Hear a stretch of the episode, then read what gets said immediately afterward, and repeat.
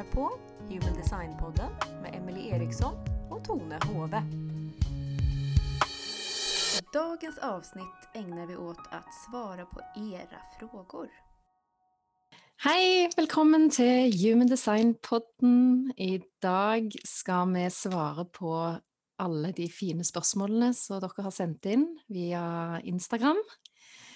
Det gleder vi oss til, sant Emily? Väldigt. Det här kommer bli en lång episod. Ja. Det er fare for det, altså. Det var mange spørsmål som kom inn, og det er vi jo veldig glad for. Det er så gøy når alle engasjerer seg, og folk er kanskje minst eller kanskje like interessert i human som oss. Går det Ja, an, liksom? Jag tycker vi har fått väldigt varierande frågor också. Ja. Alltså roliga Ja. och intressanta och viktiga frågor. Ja, og mange spørsmål som jeg tror det er veldig mange som egentlig sitter og lurer på. Så dette skal bli en veldig interessant episode, tror jeg. Jeg tenker at vi må bare komme i gang. Ja, ska du börja med första? Välj Ja. ut en fråga som du är lite taggad Yes. på. Ja. Altså, en som spurte om eh, det her med strategien til en generator, som er wait to respond. Og det kan vi jo si litt eh, om, tenker jeg. Det er sikkert mange generatorer der ute som går og lurer litt på hva det egentlig betyr, for eh, em, det er litt sånn, hva er det Altså, det med å respondere på det som skjer rundt en, er jo én ting. Men så lurer denne personen som stiller dette spørsmålet, lurer på hva med når vi er alene? Skal vi da respondere på tankene, stille seg sjøl spørsmål, eller hva som da er best? Ehm, eller må det være Eller må andre stille spørsmål, sant? Det med generatorstrategien, det handler jo ikke om å vente på at noen skal stille et spørsmål, eller at noen andre nødvendigvis må gjøre noe. Men det handler om å respondere på hva det enn måtte være som dukker opp i bevisstheten. Om det er noe som man ser i et ukeblad eller i en avis, eller at man åpner Instagram, eller at man ser ut vinduet at noen gjør et eller annet, eller at man sitter på bussen eller kjører bil og bare ser et eller annet som trigger en respons i systemet, i kroppen. Så mm, det er jo overhodet ingen passiv greie. Man skal jo ta seg ut eh, hvor det enn måtte være, og hvis man sitter hjemme og har en fredelig stund og ingen Ja, man gjør ingenting, så kanskje det bare er like greit. Av og til så skal man liksom ikke ha noe å respondere på heller. Mm. Men hva tenker du, Emily? Du er jo en manifesting generator. Du er jo òg her for å respondere på ting. Hva er Ja. din erfaring med, med det? Nej, men jag tycker att du förklarar det bra, så som du säger. Det är, eh, jag brukar säga sätta sig lite mer ner, lite längre, sjunka ner lite mer i, Mm. i korsryggen egentligen och så lägg märke till vad du upplever kommer emot dig. Mm. Och det kan också vara någon, någonting du känner från kroppen. Det kan ju vara en, och nu känner jag att jag är hungrig. Eller Ja, ja. nu Mm. behöver min kropp vila. Mm. Eh, det här med att respondera på tankar. Eh, både ja och nej skulle jag vilja säga. Det tar kanske lite tid innan man kan skilja på vad som är en frampressad idé och vad som är Mm. en spontan tanke som, som bara dyker upp. Mm. Så, Og så, så tenker jeg jo òg at em, i det samfunnet vi lever i i dag, så blir man jo ofte veldig bombardert med alle mulige ting å respondere på. Så man kan jo som generator gjøre det litt enkelt for seg sjøl, og gjerne gi, gi seg sjøl alternativer. Gjerne koke det ned til kanskje to alternativer, så er det lettere å på en måte velge enn at du har tusen ting å velge mellom, for eksempel. mm. och Ja. så tänker jag också att vi ska inte undervärdera det att ha det tråkigt ibland. För att ibland är det faktiskt när vi går och har det tråkigt som det kommer något riktigt bra att respondera på. Mm. Jag Yes. tänker att eh, vi kan spinna vidare med en fråga här som handlar lite om samma sak men Mm. som är ställt i förhållande till det att vara projektor. Eh, för det är en här som undrar nu när det har varit lockdown Mm. och många har varit ensamma. så undrar den här personen om en projektor är avhängig, alltså beroende av att hämta energi från andra. Och hur ska man göra då om man inte har någon att umgås med just nu? Mm. Och vad tänker du om det, Tone, du som är projektor? Mm. det er jo sant at eh, det er veldig godt for en prosjektor å kunne hente energi fra omgivelsene sine, fra andre mennesker. Eh, men samtidig så er min erfaring at eh, man som prosjektor har mulighet for å hente energi andre steder òg enn gjennom eh, et konkret menneske.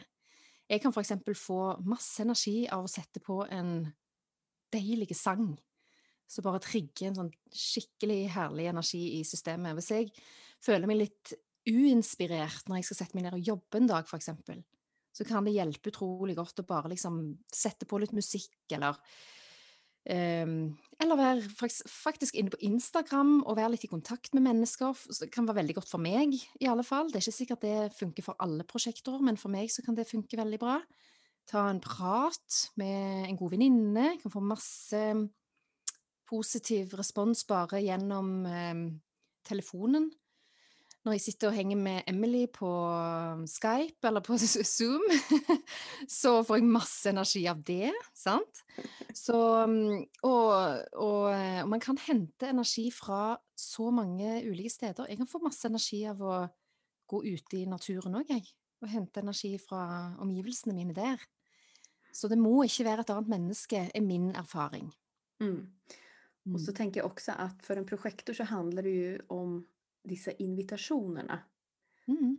Eh, en generator tränger bara noe att respondera på men för en projektor så är det också viktigt att projektorn känner att den här invitationen gäller för mig. Så jag Mm. har ett talang eller ett intresse som passar in till den här invitationen.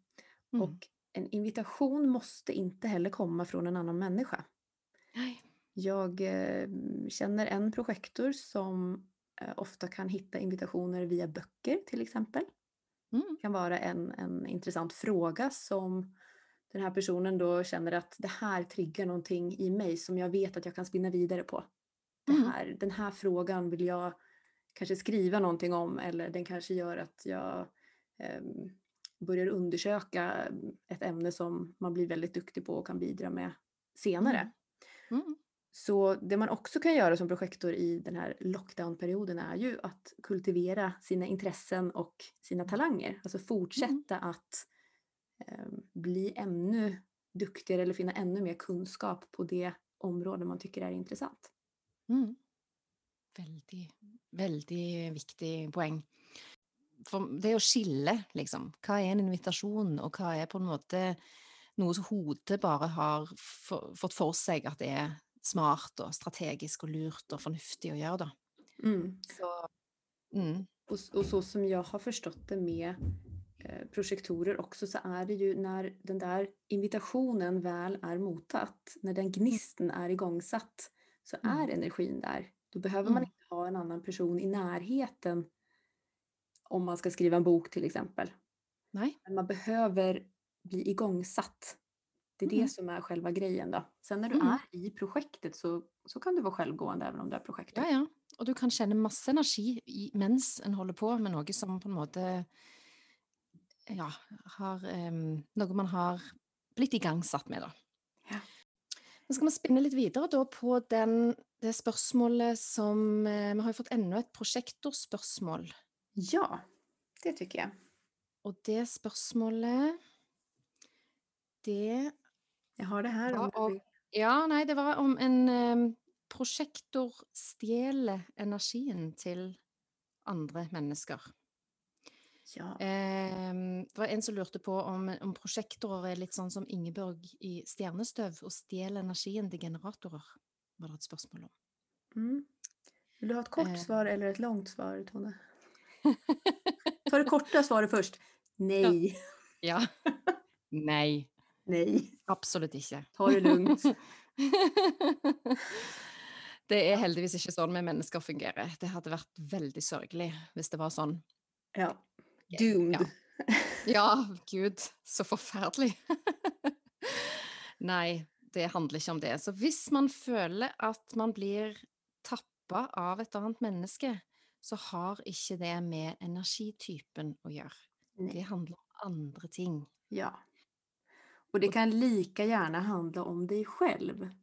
Vad är det som gör att jag blir tappad av den här Mhm. personen? Det är inte säkert att det har med den andra personen att göra. Det kan vara triggers i mig själv som inte jag har städat upp i. Det kan vara en sensitivitet för någonting som inte jag förstår i mig själv ännu. Så den andra personen kan vi inte göra någonting med, men vi kan göra någonting med oss själva. Vi skal være litt forsiktige med å starte en sånn blame game. Der man, eh, hvis man kjenner på ting i seg sjøl, at man begynner liksom å skal finne ut Oi, hvem er det som har gjort dette mot meg? Det tror jeg man skal være litt forsiktig med. Ja. Og heller kjenne hva er det hvor, hvor satte ikke jeg mine grenser nå? Hva er det som gjør at jeg blir tappa? Hvorfor lar jeg dette mennesket tappe min energi? Det Mm. tror jeg er viktig. Mm. Mm. Ja. Okej? Mhm. Ska vi vidare till något helt annat? Yes. Nu tar vi en väldigt kort fråga. Mm. Säger färgerna i centrerna någonting speciellt? De kan ju vara röda, gula, gröna, bruna. Har själva färgen något att si? Nei. Nei, fargen har ikke noe å si. Men det har noe å si om senteret har farge på seg, eller om det er hvitt. Det, är har forskjell på. att si. Ja. Det. Det, det tar vi en hel episod om lite senare. Mm. Mm, För det, är, ehm, det är en stor del av att läsa sitt eget kart. Det er Wow. det. Men man kan jo kort si at de med farge på, det er på en måte der man har en stabil energi som man sender ut ifra seg sjøl.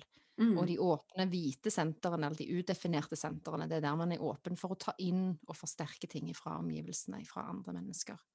Ja. Sånn kort fortalt. Men det må vi, det må vi ta en hel episode på, det er jeg helt enig i. Mm. Mm.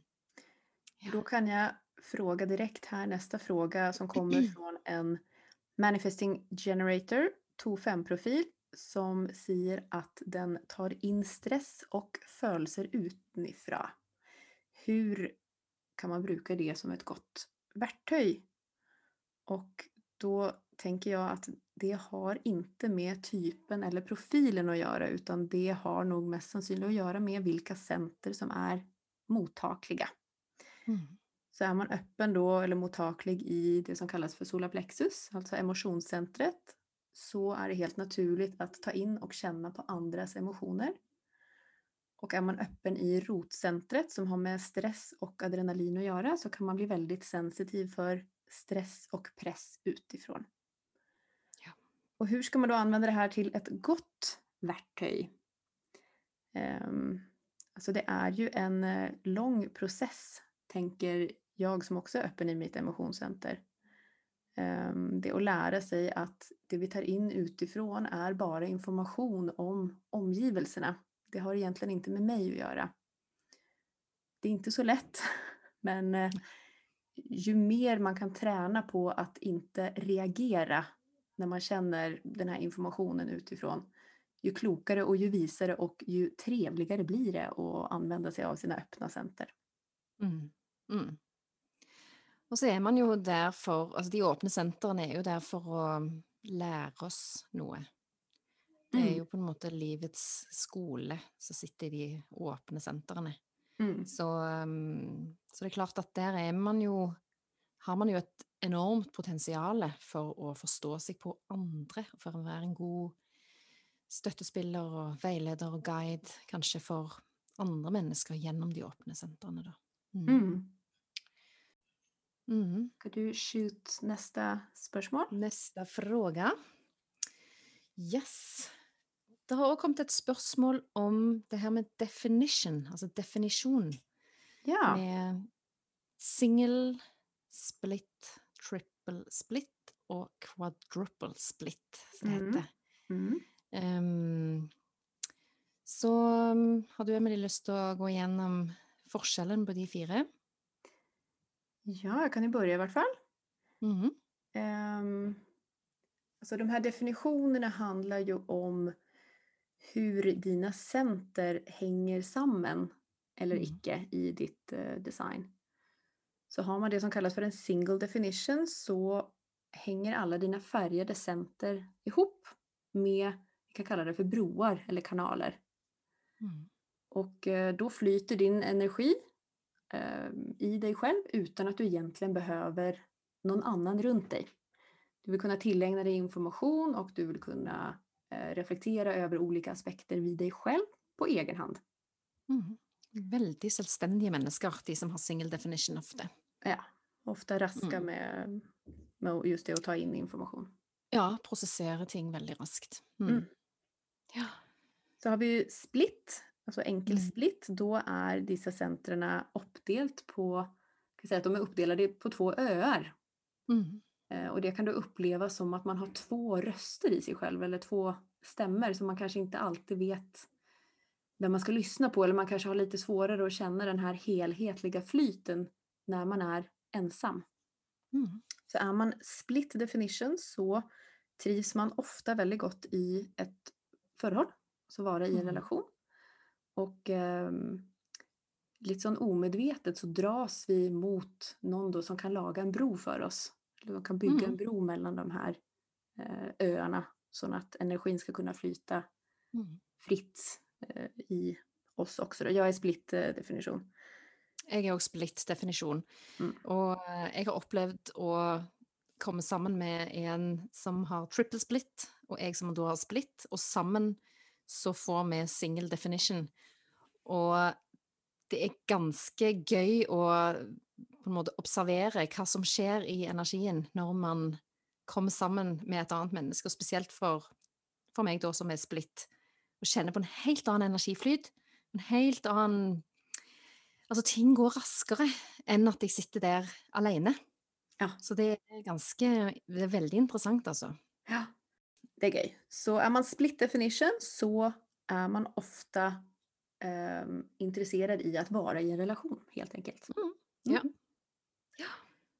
Så har vi trippelsplit då och då är det ju uppdelt på tre öar den här Yes. energin. Så att då är man faktiskt beroende av att ha flera människor runt sig så att, som kan göra att energin flyter. Mhm. Och, Og eh, gjerne flere forskjellige typer mennesker òg kan jo disse menneskene kjenne at gjør godt å mm, være sammen med. mm. Får litt ulik stimuli. Mm. Mm. Och det som kan vara lite intressant om man är trippelsplit själv eller känner någon som har en trippelsplit är att även om det är viktigt för en trippelsplit att ha många olika människor runt sig eller olika energier. Man kan också gå och sitta på ett café och bara känna på eh, energin från andra människor. Men jag vet att många kan uppleva det som lite överväldigande att ta in energi från andra. Så att eh, till en viss grad så, så kan man vilja skärma sig lite när man är trippelsplit. Så det att hitta en balans då i att man inte låser sig in i en lägenhet ensam utan att man, man ser till att få den här flyten genom andra människor men att man kanske inte alltid ska ha folk runt sig heller. Man behöver att få känna på sig själv ensam i tillägg. Mm. Kvadruppelsplit, eh, Tone, har du träffat någon som har det? Nei, men jeg har eh, en venninne som kjenner en som har kvadruppelsplit. så, um, så der er det jo delt opp i fire øyer, kan vi si. Mhm. Så der er det jo Altså, disse menneskene trenger jo mye tid. Det går veldig mye langsommere å prosessere informasjon og prosessere alt det som foregår i omgivelsene. Så um, det er klart at en som har single definition, kan irritere seg ganske grønn på både de med triple split og quadruple split, for at de, de oppleves som litt, litt treige i systemet i forhold til det som en single definition er. Så, um, men en kvadruppelsplit har jo òg eh, De har jo en veldig stor definisjon, som det heter. Altså de har jo veldig mange definerte energisenter. Det må de ha for å kunne ha denne firedelingen. Mm. Så, um, så de har jo òg behov for å ta seg tid alene og få tid til å prosessere ting. Få tid til å fordøye inntrykk og alt det som har skjedd den dagen, eksempel. Eh, men òg selvfølgelig som triple split, de har jo òg behov for å komme sammen med andra mennesker. Mm, Och och typer ja. människor. Mm. Ja, precis. För det tror jag också är ett stort tema, särskilt för kvadruppelsplit, att man kanske har ett behov för olika sorters människor. Ja. Att Mm. när jag är med den här typen person eller den här gruppen så, så får jag utleva den här energin. Mm. När man är med en annan person eller en annan typ av personligheter så är det en annan del av en som får vara mer Mm. aktiv. Ja.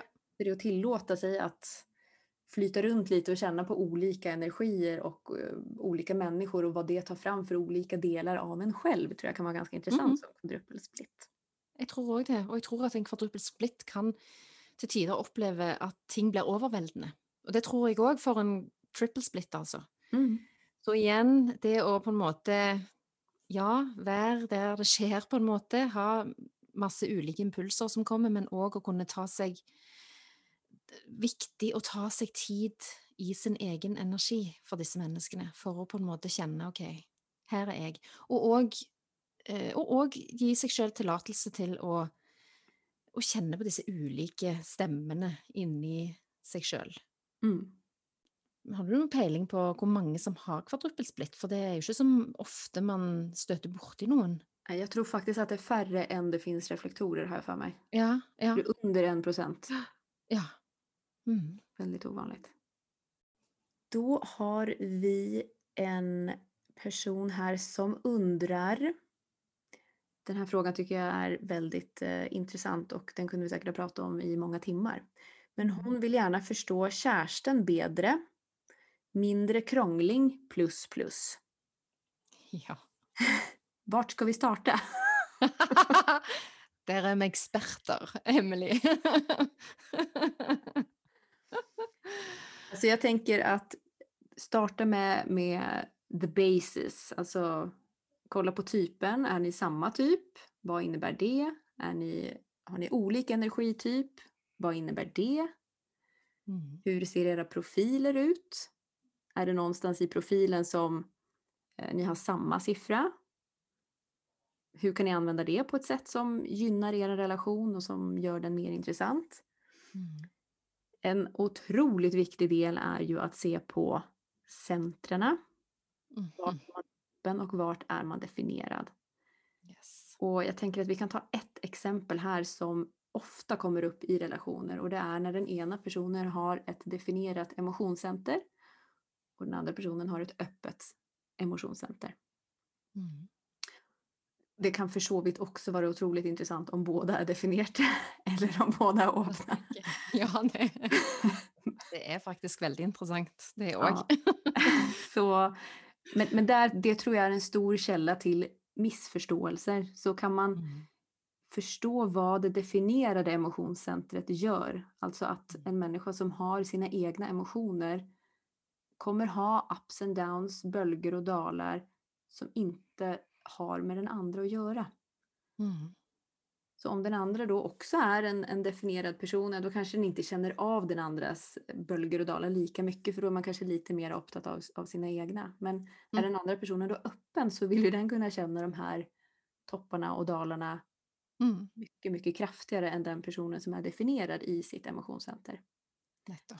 Så det är att ha en öppen dialog kring emotioner, att Mm. förstå att den som är definierad i sitt emotionscenter kanske inte alltid vet varför den känner som den gör. Mm. Eh, Och det är att inte ta det personligt. Nettopp. Og jeg tror at de som har en definisjon i solar plexus, da, i emosjonssenteret, som det heter, de trenger jo virkelig å lære seg å forstå sine egne følelser, forstå bølgen en måte lære seg at den har en verdi. Den er viktig. Den er viktig å ikke stenge av, men at den skal man lære noe av. Den er, den er her for å komme med informasjon, egentlig.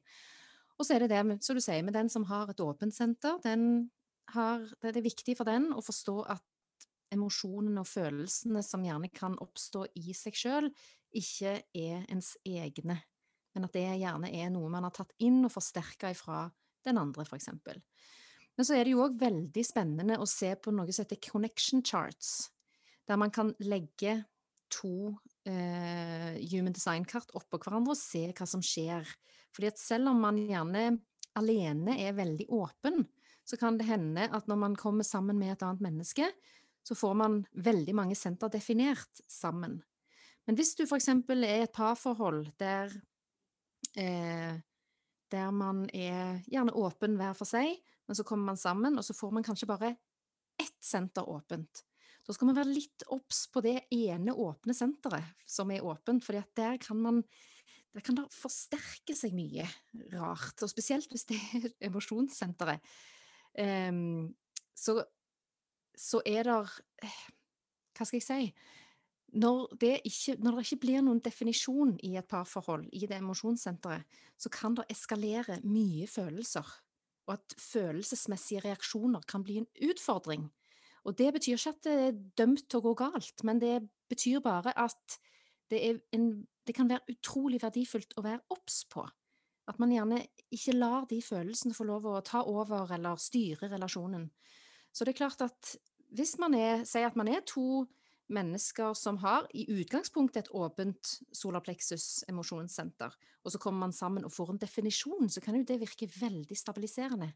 Veldig rolig og deilig i et forhold.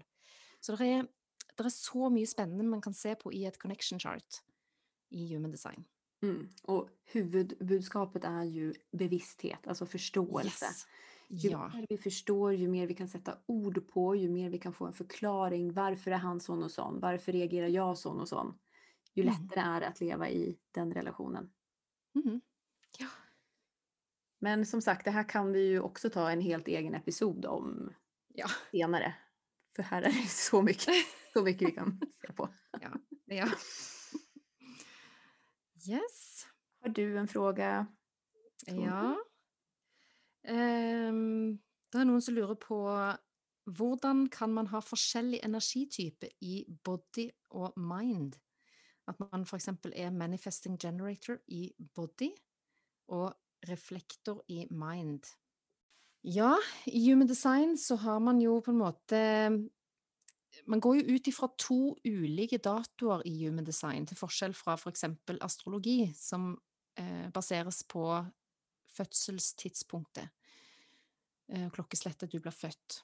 Og det gjør jo human design òg, men human design eh, eh, har òg én dato til, som er 88 dager før fødsel, cirka. Som eh, definerer den ubevisste energien i oss, kan man si. Mm, den energin som ligger hacket djupare in. Yes. Mer känslan av dig själv i dig själv. Ja. Sånn at det er alltid den energi, altså den energitypen som man får, eh, får opp i et vanlig Når man går inn i en vanlig database eh, og legger inn dataene sine og får opp sin energitype, det er den som er sin egen energitype. Når man får opp at man f.eks. er en reflektor i mind, på mind-siden, altså på mm, personlighetssiden, så er, handler ikke det om at man er en reflektor. Nej, Det det, att har är- egentligen inte ja. så mycket att säga för att vi är en blandning av både designsidan och personlighetssidan. Så, Mm. så det är när vi lägger dem samman som vi ser vilken energityp vi är. Yes, Mm. Mm. Jag har fått en fråga här om, eller vi har fått en fråga här om hur kan jag hjälpa eller hantera en person som har gate 18 som konstant finner fel, är utillfreds eller uenig. Och då tänker jag att vi må först bara säga någonting om vad en gate är för någonting. Mhm.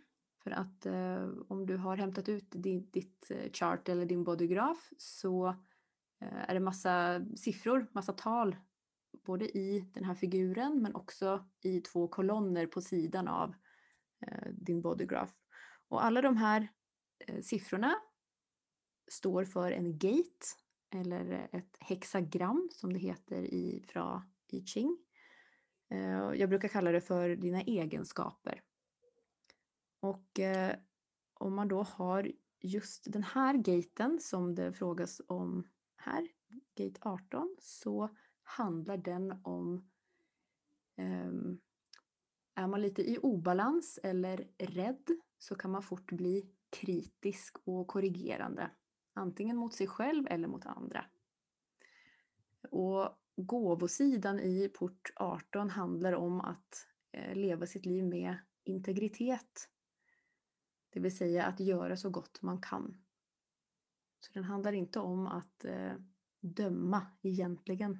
Det blir liksom lite obalanserat när någonting är fel eller fult eller styggt eller ska ändras. Utan det handlar mer om att hitta den här intentionen bak handlingen. Att man försöker att leva som ett gott människa egentligen, eller göra så gott man kan. Mm. Du har ju den här själv, Tone. Du, du har hela kanalen faktiskt. Jag har hela kanalen, så jag upplever ju att den uppför sig kanske lite annorlunda när du har uh, hela kanalen, men absolut, det är ju channel of judgment, så att det är ju massa skyggesidor där i förhållande till att bli väldigt kritisk och dömande. Så man ska vara lite obs där, men det handlar ju, som du säger, om när man hamnar lite i obalans. Och om man ska vägleda ett barn, för exempel, för detta var väl snack om att det var ett barn som hade vet denna... jag faktiskt inte. Och det var inte det? Nej, det, Nej, det vet inte. Det kan ju hända, men det är jag osäker på. Ja. Okay. Uansett, det, skal man på en måte veilede et barn i forhold til den eh, porten der, da, så handler jo det ofte om at hvis man går inn i denne veldig dømmende kritiske energien, så handler det gjerne om at dette barnet har havna spora litt av fra det som egentlig er riktig. Jeg har for eksempel et prosjektorbarn som har denne porten her, og jeg merker det utrolig godt på han. Så han er sliten, hvis han ikke har fått den alenetiden som han har behov for.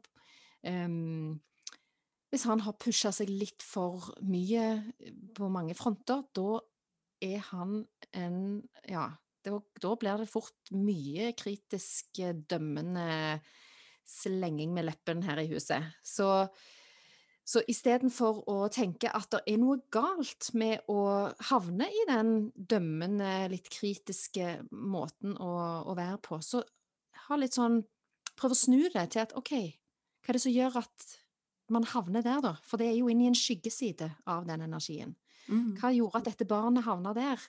Kanskje vi kan ivareta behovet til barnet på en annen måte? Eller hvis man har det sjøl, hva er det i meg nå som havner i ubalanse? Hvordan kan jeg ta bedre vare på meg sjøl, sånn at jeg finner fram til disse her fine gavesidene av energiene istedenfor?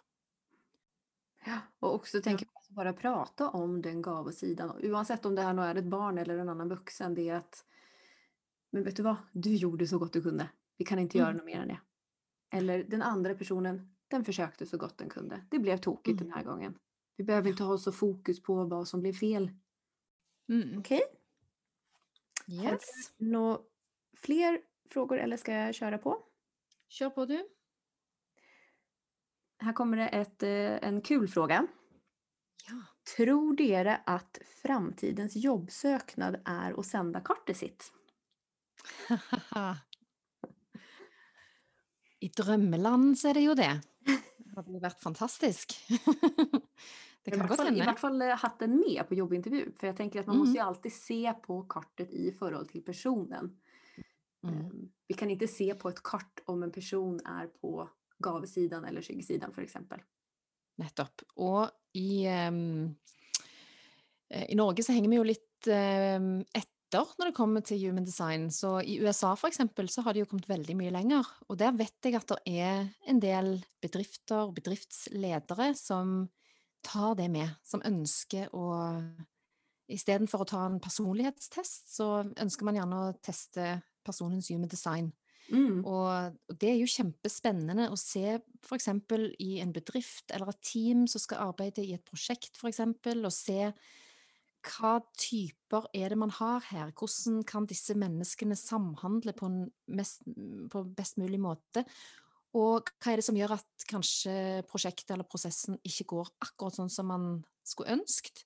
Kanskje man trenger å tilføre en annen type energi for å få enda mer flyt.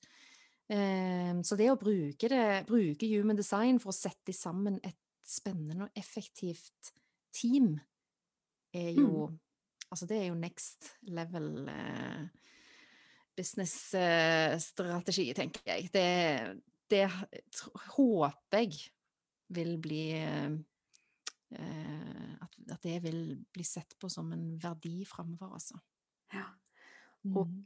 Jag tänker att det man kan göra nu i alla fall är ju om man ska skriva ett CV själv, att man tar hjälp av sitt eget design Mm. och kanske får någon ledtrådar kring, ja men just ja, jag har ju den här port 44 som säger att jag är duktig på samarbete och det stämmer ju. Det känner jag mig igen i. Det är någonting Mm. som jag vill lyfta fram i mig själv. Mhm. Så, um, så det kan vi ju göra. Absolutt. Det er jo perfekt å bruke det på den måten. Ja. Okej. Ja. Ehm, vi har fått en som ber om tips om andra human design podcaster. Den här personen får icke knock. Mm. Och ehm, det finns, jag vet inte om det finns så många rena human design podder men Nei, jeg vet om én, da. Det er en kanadisk eh, jente som har den. The A New Narrative. Og hun heter Samantha Sagar. Og hun er, jobber med human design sjøl. Og eh, hun har i alle episodene, tror jeg, i hvert fall nesten alle, så har hun eh, besøk av forskjellige human design-eksperter. Eh, Og da er det gjerne folk som jobber med forskjellige ting innen human design. Så den er ganske, ganske interessant å eh, ta en eh, titt på, altså. A new narrative och så finns det ju, vet jag, många i USA som håller på med human design som är med och gästar olika podcasts. Masse. Och det går ju faktiskt an att eh, hvis du går in på iTunes och skriva in namnet bara på den personen så kommer ju ofta de episoderna upp. Mm. Så jag kan tipsa om en dam som heter Erin Claire Jones Mm. som, eh, som jag tycker eh, förmedlar human design väldigt rent och klart och enkelt. Hon har varit med i jättemånga podcasts vet jag. Mhm. Så kan jag tipsa om, eh, om någon vill ha något mer på norska så eh, har ju min lärare skrivit en bok ihop med en dam som heter Nina Enger. Och den boken heter Den lilla boken om human design. Den kan man googla så finner man den eller så kan man beställa den på hans hemsida som heter juniperus.no. Och han heter Terje Eugen Holte.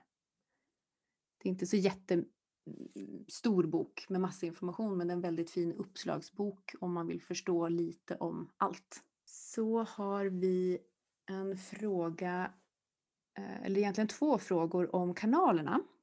Mm. Den ena frågan är, hvordan bruka channels i vardagen? Alltså kanalerna. Och kanalerna det är ju alltså de här broarna som vi pratade om tidigare som förbinder de definierade centrerna, alltså de färgade centrerna som du har i din bodygraph. Och i de här kanalerna då så flyter din energi så därför brukar jag kalla de här kanalerna för dina styrkor när du Mm. använder dem på ett bra sätt. Så eh, för mig så har kanalerna varit en väldigt god ledtråd till att känna igen mig själv Mm. och också varit en god ledtråd till hur ska jag jobba eller hur ska jag använda mig själv på ett sätt som jag trivs med. Mm. Hur kan jag ta i bruk mina styrkor varje dag? Ja. Og det er så deilig å bli obs på hva er mine styrker, hva er det jeg er her for å tilføre, på en måte. Hva er det jeg kan stole på at når jeg gjør dette, så vet jeg at det er meg. Det er ikke noen andre sine ting jeg har tatt inn og rir på de bølgene som egentlig er andre sine. Dette er meg, og det kan jeg på en måte stå veldig stødig og trygt og godt i. Så jeg tenker sånn i hverdagen så er jo egentlig channels eller kanaler med på å gi oss en trygghet og en stødighet i oss sjøl. Mm. Selvtillit, nærmest. Altså at man liksom, «Nei, men dette, dette er jo min styrke, dette vet jeg. Dette kan jeg. Dette bidrar jeg med. Verkligen. Och alltså, det är en glädje att ta Ja. i bruk. Det är verkligen givande både för en själv och alla andra runt. Ja, det Mm. er det. Helt sant. Så de kommer vi också prata mer om senare. Mhm. Sen är det ett specifik, en specifik fråga då om eh, en speciell kanal som Mm. heter The Channel of Charisma.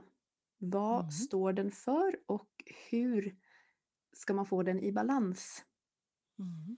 Och den här Channel of Charisma, det är en kanal som bildas av två portar, port 34 och port 20.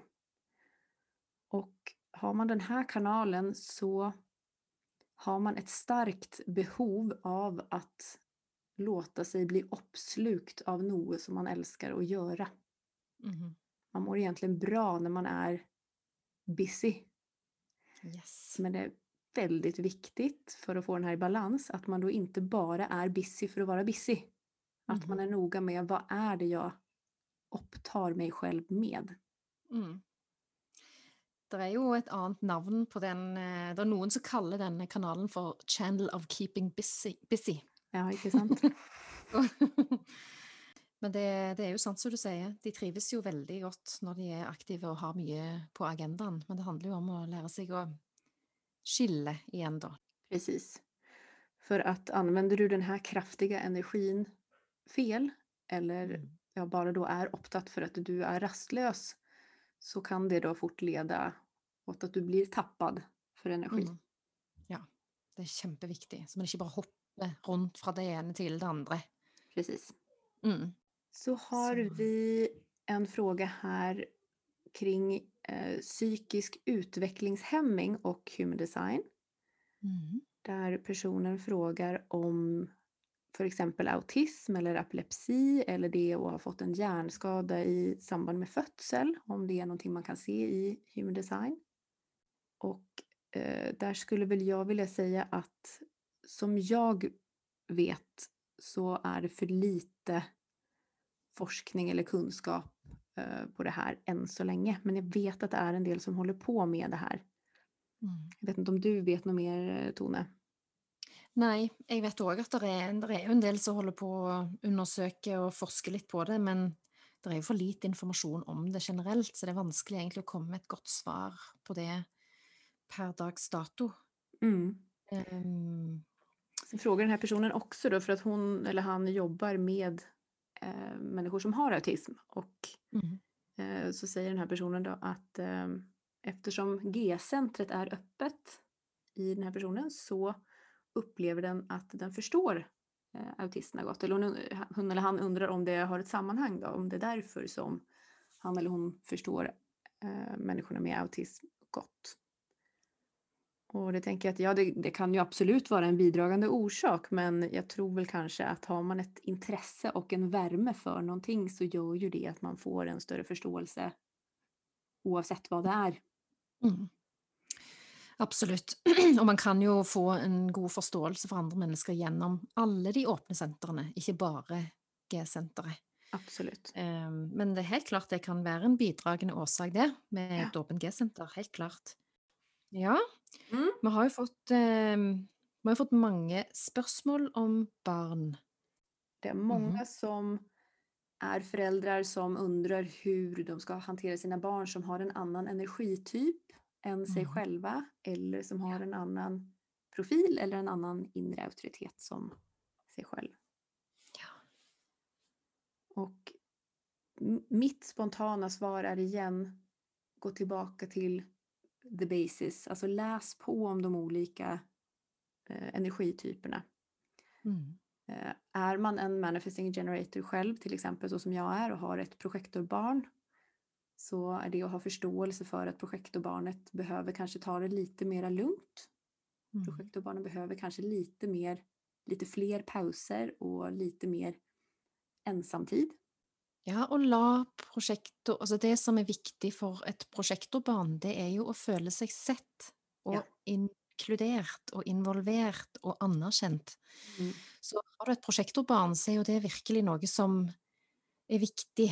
Eh, For det verste du kan gjøre mot et prosjektorbarn, er jo egentlig å, eh, å hele tiden være kritisk mot barnet, men å hel- heller løfte eller Det er klart det er jo viktig for alle barn, men for et prosjektorbarn så kanskje eh, la prosjektorbarnet dele sitt, sine synspunkt på ting, være interessert i ja, hva tenker du, hva ser du, Hva, hva er dine synspunkt på akkurat det her? La prosjektorbarnet få lov å komme med sitt syn på ting. Det kan være veldig verdifullt for et prosjektorbarn, f.eks. Och också, och också kanske peka på vad projektorbarnet är, är duktig på eller har Mm, talang för. För att Ja. projektorer har ju generellt lite svårare att känna sig själva. Så de är Ja. lite mer då avhängiga av att få lära känna sig själv via eh, Mm. utsidan egentligen. Så att, Ja. eh, och du som förälder och du ser ju ditt barn väldigt tydligt så att hjälpa barnet att bli klar över sina egna goda egenskaper, sina talanger, sina intressenområden så blir det ju mycket lättare för projektorn sen eh, när Mm. den blir vuxen också. Att, eh, Ja. Og så tenker jeg at barn er jo de, altså Man fødes jo inn i denne verden som oss sjøl, som veldig rene energier. Og så er det jo Så blir man prega av alt man omgås i, i oppveksten. Enten det er foreldre eller søsken eller andre mennesker man møter på vår vei. Så man skal ikke undervurdere barnet i forhold til de den kontakten som et barn har med seg sjøl. Når du merker at et barn setter en tydelig grense for seg sjøl, så forsøk å lytte litt til det. Eh, så lenge det er innenfor eh, barnets eh, trygghet og sikkerhet, så klart. Men, men det å øh, det å la barnet få lov å utforske sin indre autoritet når, når barnet er et barn, tror jeg er veldig interessant. Og ikke prøve å tre vår egen autoritet over på barnet, for det er så fort gjort. Eh, gått i den fellen sjøl mange ganger, fordi jeg, mine barn ble ganske store før jeg oppdaget human design. Men det er aldri for seint å liksom hente seg litt inn igjen sant? og begynne å, å se på barnet med litt nysgjerrige øyne. Hva gjør dette barnet spontant av seg sjøl? Det er kjempeinteressant. Så er jo vi her har, Som foreldre har man jo en kjempeviktig rolle i å være der som en, en veileder og en støtte og en support hele tiden. Så det er jo ikke det at alle barn skal gå på selvstyr, vi må jo være der og, og, og veilede og passe på dem, ikke sant? Men med litt nysgjerrig blikk tror jeg kan være interessant. Og har man et generatorbarn eller et manifesting generator-barn, så, så kan det være fint å, å hjelpe dem litt til å se disse her Gi dem alternativer, f.eks. Gi dem ting å respondere på. La dem øve opp den responsen litt i kroppen sin. Um, ehm, og holde den ved like. At ikke de blir tvungen inn i eh, eh, et mønster der de må tenke strategisk eller smart, eller 'dette er fornuftig, dette er lurt å gjøre', f.eks. Men liksom, åh, hva kjenner du? Hva, hva kjenner du i kroppen?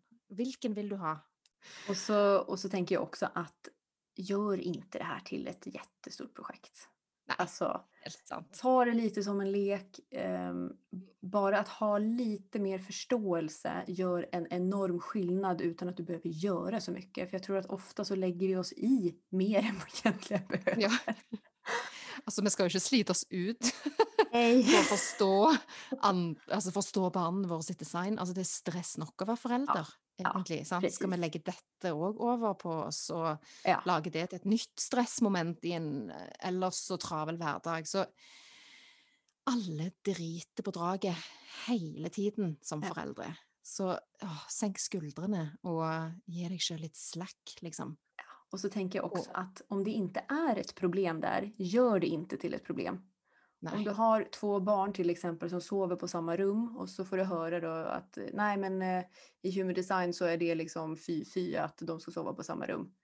Vet du vad, om det funkar bra, låt det vara. Ja. Alltså, håll inte på att krångla till det om det fungerar. Nei, nei, nei. Og heller, sant, åpne opp øynene litt for hva gir ungene uttrykk for, sant? Mm. Ja vel, er det en unge som sover dårlig da? Ja, så kanskje man skal gjøre noen små endringer som kanskje kan funke.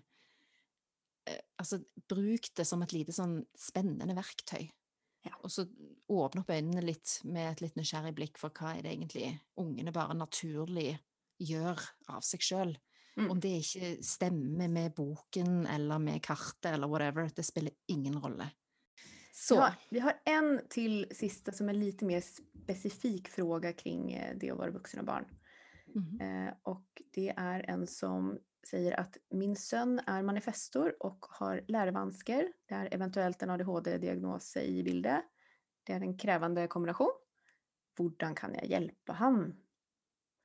Och eh, då tänker jag också, alltså lärevansker, ADHD, det vågar jag inte säga någonting om. Det enda jag kan säga då är eh, som manifestor, försök att informera ditt barn mest möjligt.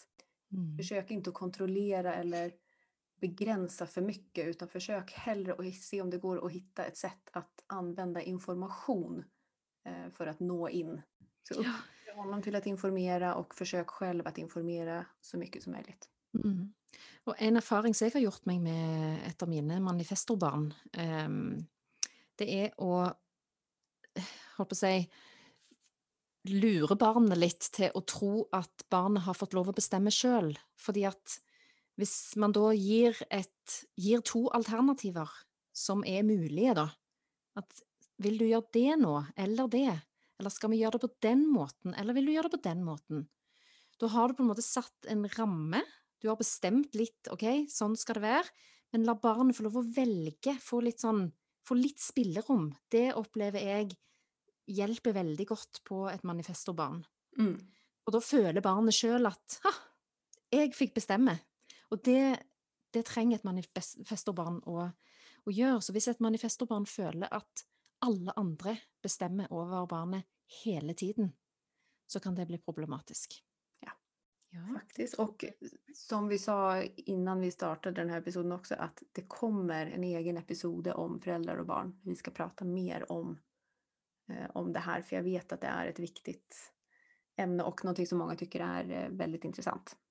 Och vet du vad Tone, nu ser jag faktiskt att vi har en fråga kvar här, den höll vi på att missa. Ehm, det har kommit in en fråga om det som kallas för linjerna i Human Design. Och vi har tidigare pratat om eh, portar, gates eller dina egenskaper som kommer från eh, eller ligger i de här talen eller siffrorna som ligger i dina två kolonner, den röda och den svarta kolonnen.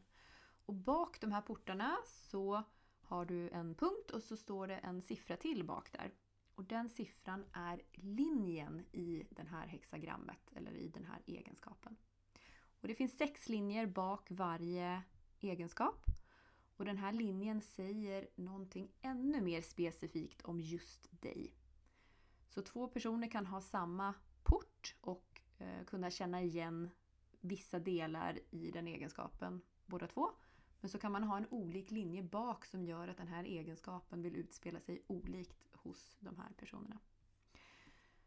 Och så kan man ha en liten svart pil som antingen pekar upp eller ned vid sidan av de här siffrorna. Och ibland så kan det också vara en stjärna där.